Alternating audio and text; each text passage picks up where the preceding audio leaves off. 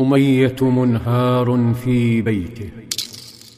دخل أمية بيته فطلب من زوجته عدة الحرب وبدلا من أن تعطيه سلاحه ودرعه طعنته طعنة جعلته يشل في مكانه. طعنته بكلمات لا تكذب فقالت له أما علمت ما قال لك أخوك اليثربي؟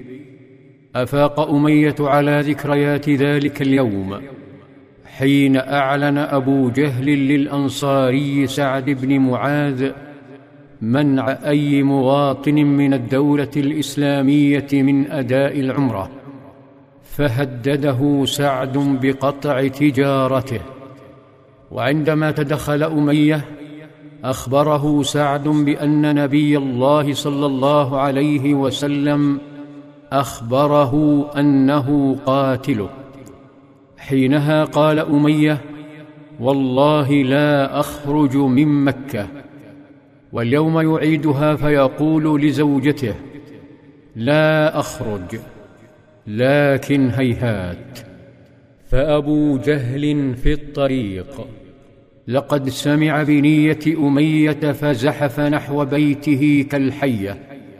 ولما دخل قال له كلاما معسولا بل تنازل عن لقب سيد الوادي له فقال يا أبا صفوان إنك متى يراك الناس قد تخلفت وأنت سيد أهل الوادي تخلفوا معك وظل يتحايل عليه ويتحايل.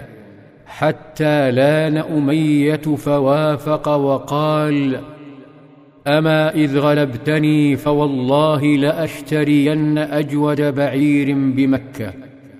ابتسم أبو جهل بخبث وخرج.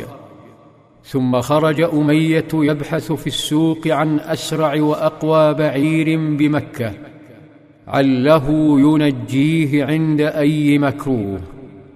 بحث وبحث وتحسس حتى وجده ثم عاد لزوجته ليودعها ويقول يا أم صفوان جهزيني.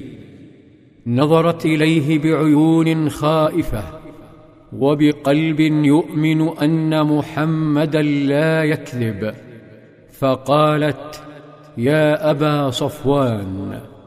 وقد نسيت ما قال لك أخوك اليثربي فأحب أن يطمئنها فقال لا ما أريد أن أجوز معهم إلا قريبا.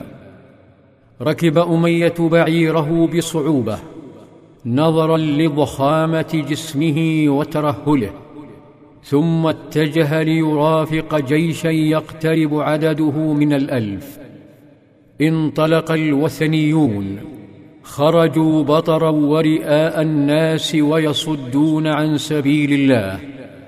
وانطلق معهم أمية خائفا يتلفت. يرى الموت خلف كل شجرة وصخرة. يراه في تجاويف الأودية وبين سراب الصحاري. كان من شدة خوفه لا يترك منزلا إلا عقل بعيره استعدادا للهرب. الجيش في عالم وأمية في عالم آخر. في عالم شاحب. صنعته كلمات محمد صلى الله عليه وسلم. إنه محمد الذي لا يكذب. محمد رسول الله. ترى أين هو الآن محمد صلى الله عليه وسلم؟ وهل تمكن من هدفه أم عاد إلى المدينة؟ في ظلال السيرة.